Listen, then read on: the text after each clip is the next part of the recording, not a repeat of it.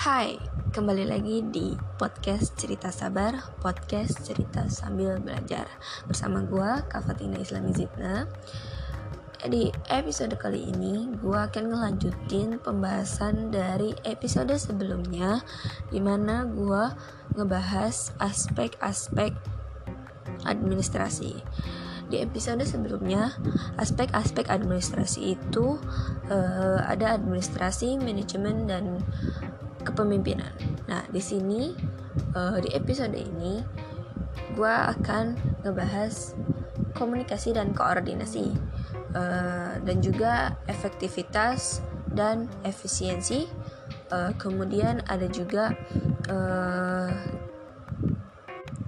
yang namanya kinerja dan produktivitas. Oke, nggak usah berlama-lama lagi, kita langsung lanjut aja ke pembahasannya.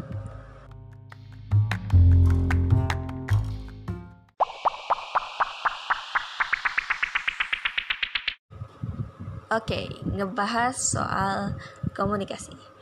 Mungkin kalian semua udah familiar sekali sama yang namanya uh, komunikasi ini. Tapi sebenarnya apa sih komunikasi itu menurut uh, para ahli ilmiahnya seperti apa komunikasi itu jadi komunikasi adalah hubungan kontak antar dan antara manusia baik individu maupun kelompok uh, dalam kehidupan sehari-hari uh, disadari atau tidak disadari komunikasi itu bagian dari kehidupan manusia itu sendiri paling tidak sejak ia dilahirkan sudah berkomunikasi dengan lingkungan. Bukan begitu? Oke. Gerak dan tangis yang pertama pada saat ia dilahirkan adalah tanda komunikasi. Nah, sementara itu, komunikasi telah menjadi bahan dari kehidupan manusia. Berhasilnya suatu komunikasi ialah apabila kita mengetahui dan mempelajari unsur-unsur yang terkandung dalam proses komunikasi. Unsur-unsur yang dimaksud yaitu sumber, pesan, saluran, dan penerima. Dalam proses komunikasi, bersamaan tersebut diusahakan melalui tukar-menukar pendapat, penyampaian pesan informasi, serta perubahan sikap dan perilaku. Pada hakikatnya, uh, setiap proses komunikasi tersebut unsur-unsur tersebut itu sumber pesan saluran dan penerimaan di samping masih terdapat unsur pengaruh dan umpan balik feedback bagaimanapun juga setiap komunikasi yang dilakukan senantiasa menambah efek yang positif atau efektivitas komunikasi Komunikasi yang tidak menginginkan efektivitas, sesungguhnya itu ialah komunikasi yang tidak bertujuan. Oke, okay. efek dari efek dalam komunikasi uh, adalah perubahan yang terjadi pada diri penerima sebagai akibat pesan yang diterima baik langsung maupun tidak atau atau dari melalui media massa jika perubahan itu sesuai dengan keinginan komunikator. Maka komunikasi itu disebut efektif. Kalau menurut para tokoh e, menjelaskan pengertian komunikasi ini sebagai berikut. Oke, menurut Stoner dan Wankel, communication is the process which people attempt to share meaning via the transmission of symbolic message. Komunikasi sebagai proses dengan mana orang-orang berusaha memberikan pengertian melalui penyampaian pesan-pesan berupa lambang. Arti kata lain, komunikasi yaitu cara manusia berhubungan yang melibatkan pengertian atau maksud dengan syarat. Mereka perlu setuju dengan definisi istilah-istilah yang digunakan berdasarkan sesuatu yang simbolik seperti syarat, huruf, nomor, dan perkataan yang melambangkan atau menyerupai eh, ide-ide uh, yang dapat menyampaikan maksud. Jadi komunikasi itu sebuah proses atau jalan pertukaran informasi oleh dua orang atau bahkan lebih dengan menggunakan isyarat, simbol-simbol ataupun dengan cara apa pun yang efektif sehingga orang lain dapat menafsirkan apa yang dimaksud uh, oleh si penyampai pesan. Komunikasi tidak bisa dikatakan terjadi apabila seorang berbicara kepada orang lain tetapi orang yang diajak bicara tidak paham maksud dari pembicaraan tersebut. Artinya jika pesan dapat dipahami oleh si penerima, pesan yang pesan dengan uh, jika pesan dapat dipahami oleh penerima pesan dengan baik, maka itulah yang disebut dengan komunikasi. Adapun prinsip dasar proses komunikasi itu eh, sumber atau pengirim pesan atau komunikator yaitu seorang atau sekelompok orang yang mengambil inisiatif menyampaikan pesan. Kedua pesan, message, biasanya dalam bentuk lambang atau tanda seperti kata-kata tertulis secara lisan, gambar, eh, dan angka. Kemudian ada saluran media atau channel yaitu sesuatu yang dipakai sebagai alat penyampaian atau pengiriman pesan. Contoh seperti TV, telepon, dan sebagainya. Uh, kemudian ada penerima, komunikan, yaitu seorang atau sekelompok orang yang menjadi sasaran penerima pesan. Selain empat unsur yang tadi, ada faktor lain yang juga penting dalam proses komunikasi. Yang pertama ada Respons, tindakan yang diambil komunikan, komunikan setelah dia menerima pesan. Kedua, umpan balik atau feedback. Lanjutan dari tindakan yang diambil komunikan yang berpengaruh pada komunikator. Yang ketiga, noise atau gangguan adalah faktor-faktor fisik ataupun psikologis yang dapat mengganggu atau menghambat kelancaran proses komunikasi. Contoh, faktor fisik.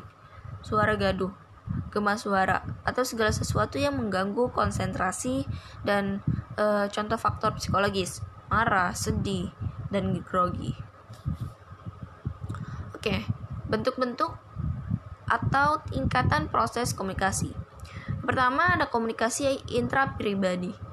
Komunikasi intrapribadi ini secara harfiahnya dapat diartikan sebagai komunikasi dengan diri sendiri Hal ini menyangkut proses di saat diri menerima stimuli dari lingkungan untuk kemudian melakukan proses internalisasi. Selanjutnya ada komunikasi interpersonal. Komunikasi interpersonal ini menunjuk kepada komunikasi dengan orang lain. Kemudian ada komunikasi massa. Komunikasi, komunikasi massa ini komunikasi melalui media massa Media massa adalah alat-alat dalam komunikasi yang dapat menyebarkan pesan secara serempak dan cepat kepada para audiens yang luas dan heterogen. Selanjutnya ada komunikasi organisasi. Komunikasi organisasi ini secara sederhana dapat didefinisikan sebagai komunikasi antar manusia yang terjadi dalam konteks organisasi. Dalam komunikasi organisasi ini, ada beberapa fungsi. Yang pertama, fungsi persuasif. Dalam mengatur suatu organisasi, kekuasaan dan kewenangan tidak akan selalu membawa hasil sesuai dengan yang diharapkan. Adanya kaya adanya kenyataan ini, maka banyak pimpinan yang lebih suka untuk mempersuasi bawahannya daripada memberi perintah. Yang kedua ada fungsi informatif. Organisasi dapat dipandang sebagai suatu sistem pemrosesan informasi.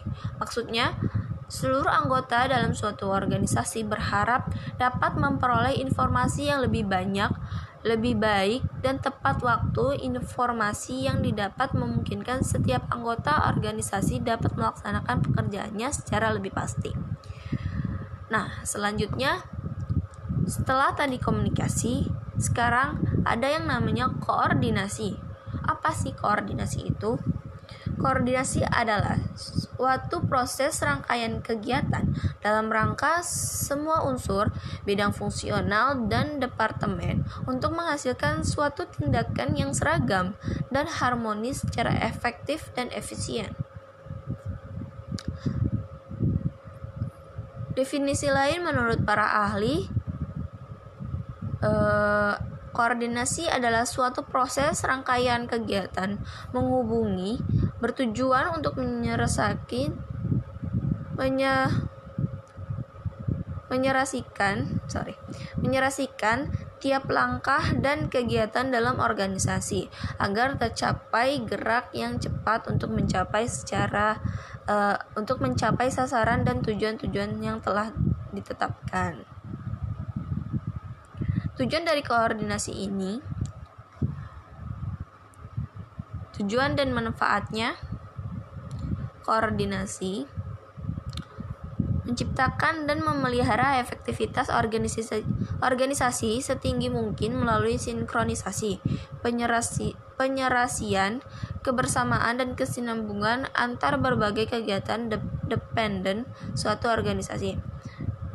Kedua, mencegah konflik dan menciptakan efisiensi setinggi-tingginya setiap kegiatan interdependen yang berbeda-beda melalui kesepakatan-kesepakatan yang mengikat semua pihak yang bersangkutan. Ketiga, menciptakan dan memelihara iklim dan sikap saling dan sikap saling responsif, antisipatif di kalangan unit kerja interdependen dan independen yang berbeda-beda agar keberhasilan unit kerja yang satu tidak rusak oleh unit kerja yang lain melalui jaringan informasi dan komunikasi efektif. Apabila dalam organisasi ini dilakukan uh, koordinasi secara efektif, maka ada beberapa manfaat yang dapat uh, didapat dalam uh, koordinasi. Yang pertama dengan koordinasi dapat dihindarkan perasaan terlepas satu sama lain antara satuan-satuan organisasi atau antara uh, pejabat yang ada dalam organisasi. Kedua, menghindari suatu pendapat atau perasaan bahwa satu organisasi atau pejabat merupakan yang paling penting. Ketiga, uh, menghindari terjadinya kekosongan pekerjaan terhadap suatu aktivitas dalam organisasi. Keempat, menimbulkan kesadaran di antara para pegawai untuk saling membantu. Kemudian, uh, untuk mengetahui koordinasi, di sini ada ciri-ciri koordinasi. Untuk menciptakan koordinasi yang efektif, dibutuhkan ciri-ciri atau karakteristik koordinasi. Yang pertama, yaitu tanggung jawab koordinasi terletak pada pimpinan. Oleh karena itu, koordinasi adalah menjadi wewenang dan tanggung jawab daripada pimpinan. Dikatakan bahwa pimpinan yang yang berhasil karena ia telah melakukan koordinasi dengan baik. Kedua, koordinasi adalah suatu usaha kerjasama. Ketiga, koordinasi adalah proses yang terus-menerus. Yang keempat, adanya pengaturan usaha kelompok secara teratur. Yang kelima, konsep kesatuan tindakan. Yang keenam, tujuan koordinasi ada tujuan bersama. Kemudian, ada syarat-syarat koordinasi. Yang pertama, sense of cooperation. Perasaan untuk saling bekerja sama dilihat dilihat perbagian. Kedua, rivalry dalam perusahaan besar, sering dikatakan sering diadakan persaingan antar bagian agar saling berlomba untuk kemajuan. Yang ketiga ada team spirit. Satu sama lain perbagian harus saling menghargai. Yang keempat ada esprit de corps. Bagian yang saling menghargai akan makin bersemangat. Jenis-jenis dari koordinasi ini, yang pertama ada koordinasi vertikal di mana eh, tindakan-tindakan atau kegiatan-kegiatan penyatuan pengarahan yang dijalankan oleh atasan terhadap kegiatan-kegiatan unit-unit kesatuan kesatuan kerja yang ada di bawahan yang ada di bawah wewenang dan tanggung jawabnya. Kedua, koordinasi horizontal Koordinasi ini, tindakan-tindakan atau kegiatan-kegiatan penyatuan pengarahan yang dijalankan terhadap kegiatan-kegiatan dalam tingkat organisasi yang setingkat. Koordinasi horizontal terbagi lagi menjadi dua jenis. Yang pertama ada interdisciplinary yaitu suatu koordinasi dalam rangka mengarahkan, menyatukan tindakan-tindakan, mewujudkan, menciptakan disiplin antar unit yang satu dengan unit lain, secara secara intern maupun secara ekstern pada unit-unit yang sama tugasnya. Yang kedua, interrelate yaitu koordinasi antar badan instansi. Unit-unit yang fungsinya berbeda tetapi instansi yang satu dengan yang lain saling bergantung atau mempunyai kaitan baik secara intern mau ekstern yang levelnya staraf. Kemudian ada koordinasi waktu.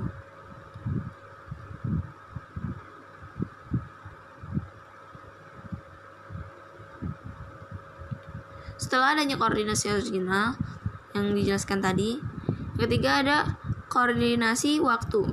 Koordinasi waktu atau sinkronisasi merupakan proses untuk menentukan nama kegiatan yang dapat berjalan serentak dan mana yang harus berurutan. Jika berurutan, bagaimana urutannya? Koordinasi ini dilakukan terhadap kegiatan antar unit kerja yang berhubungan dependen, klasual, dan sebagai dan sebagainya. Oke, selanjutnya ada koordinasi interi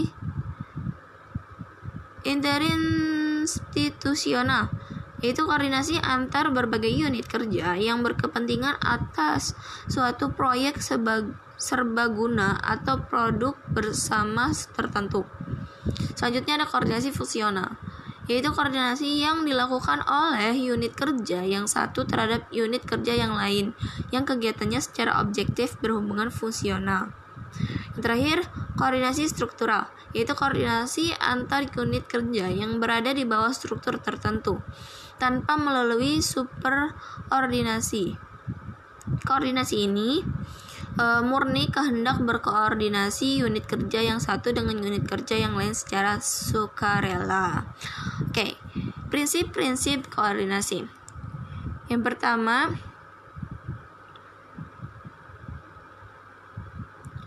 Menurut uh, Follett, terdapat beberapa prinsip yang harus dijalankan dalam pelaksanaan koordinasi yang lebih baik. Pertama ada early stage. Berdasarkan prinsip tahap awal, proses koordinasi harus dilakukan pada tahap awal proses manajerial. Koordinasi harus dimulai sejak proses perencanaan sehingga dapat menghasilkan perencanaan dan implementasi yang baik. Jika koordinasi selalu dilakukan di awal, maka semua fungsi manajemen yaitu planning, organizing, actuating, dan controlling dapat terlaksana dengan baik. Selain itu, dengan proses koordinasi yang baik, tujuan organisasi dapat dicapai dengan lebih mudah dan cepat. Kedua, ada reciprocal relation. Prinsip timbal balik menyatakan bahwa semua faktor dalam organisasi saling bergantung dan berhubungan. Uh, selanjutnya, faktor yang mempengaruhi koordinasi. Pertama ada kesatuan tindakan. Koordinasi memerlukan kesadaran setiap anggota organisasi untuk selalu uh, saling menyesuaikan diri atau tugasnya dengan satuan organisasi lainnya agar anggota atau satuan organisasi tersebut tidak berjalan sendiri-sendiri. Kemudian selanjutnya ada komunikasi. Komunikasi tidak dapat dipisahkan dari koordinasi karena komunikasi sejumlah unit dalam organisasi akan dapat dikoordinasikan berdasarkan rentang di mana sebagian besar ditentukan oleh adanya komunikasi. Pembagian kerja Secara teoritis, tujuan dalam suatu organisasi adalah untuk mencapai tujuan bersama di mana individu tidak dapat menyapainya sendiri. Kelompok dua atau lebih orang yang bekerja sama secara kooperatif dan dikoordinasikan dapat mencapai hasil lebih daripada dilakukan perseorangan. Pembagian kerja adalah perincian tugas dan pekerjaan agar setiap individu dalam organisasi bertanggung jawab untuk melaksanakan sekumpulan kegiatan yang terbatas.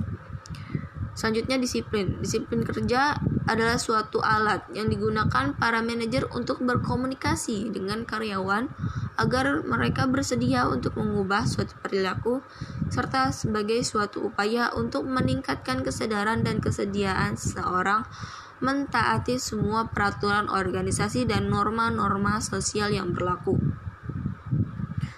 Selanjutnya berbicara tentang uh, efisien dan efektivitas. Menurut KBBI, efisien diartikan sebagai ketetapan cara dalam menjalankan sesuatu uh, dengan tidak membuang waktu, tenaga, dan biaya. Efisiensi adalah usaha pada produksi untuk memberantas segala pemborosan bahan dan tenaga kerja maupun gejala yang merugikan. Seorang yang bertindak secara efisien mampu meminimalkan biaya sumber daya yang diperlukan. Kalau efektivitas e, berasal dari kata dasar efektif, menurut KBBI juga Kata efektif memiliki arti efek, pengaruh, akibat, atau dapat membawa hasil. Jadi efektivitas adalah suatu keadaan yang menunjukkan tingkat keberhasilan atau pencapaian suatu tujuan yang diukur dengan kualitas, kuantitas, dan waktu sesuai dengan yang telah direncanakan sebelumnya. Perbedaan antara efektif dan efisien ini uh, yang pertama kalau efisien itu uh, menunjukkan bagaimana sesuatu diselesaikan dengan baik. Kalau efektivitas menunjukkan bagaimana sesuatu dapat dipergunakan. Kedua, uh, efisiensi hanya mengenai tindakan hal yang benar, yaitu menyelesaikan suatu masalah lebih cepat atau lebih murah.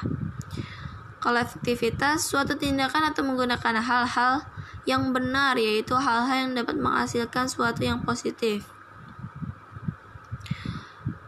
Efisiensi yang ketiga, e, melakukan sesuatu dengan cara yang optimal. Contohnya melakukan sesuatu dengan cara tercepat atau dalam cara yang paling murah. Kalau efektivitas, melakukan tugas yang tepat, menyelesaikan kegiatan, dan mencapai tujuan.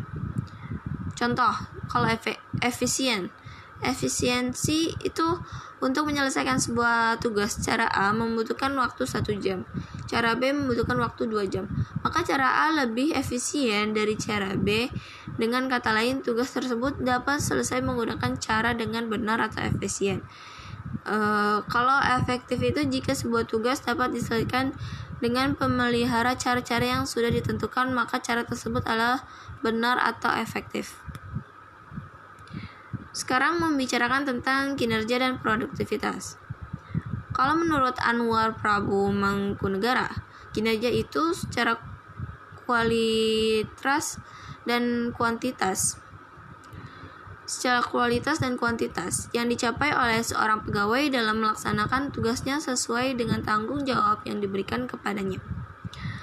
Kalau produktivitas dalam bahasa filosofi, produktivitas dapat dinyatakan sebagai suatu pandangan hidup bahwa manusia haruslah berusaha untuk menciptakan hari ini lebih baik daripada hari kemarin dan berusaha untuk menciptakan hari esok lebih baik dari hari ini.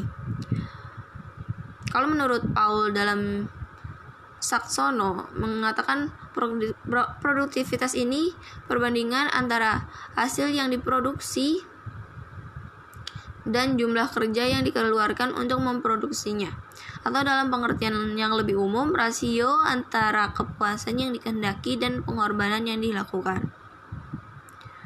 Jadi produktivitas adalah uh, konsep yang menggambarkan kaitan antara keluaran atau hasil yang dicapai dengan sumber atau mem atau masukan yang digunakan untuk mencapai hasil. mungkin uh, segitu aja yang bisa uh, eh, gue kasih ke kalian untuk episode kali ini uh, kalian jangan pernah bosan dengerin podcast gue dari awal sampai akhir. Karena setiap minggunya uh, gue akan uh, memberikan uh, episode episode pengetahuan di podcast cerita sabar ini. Oke, okay, perlu diingat juga nih setiap episodenya sering gue ingetin kalau kalian yang dengerin podcast gue ini um, mau memberikan kritik dan sarannya atas apa yang udah gue sharing ke kalian tentang uh, administrasi penyuluhan ini, kalian bisa DM aja langsung ke Instagram gue yang udah ada di deskripsi. Terima kasih teman-teman. Uh, ketemu lagi di episode-episode selanjutnya. Bye bye.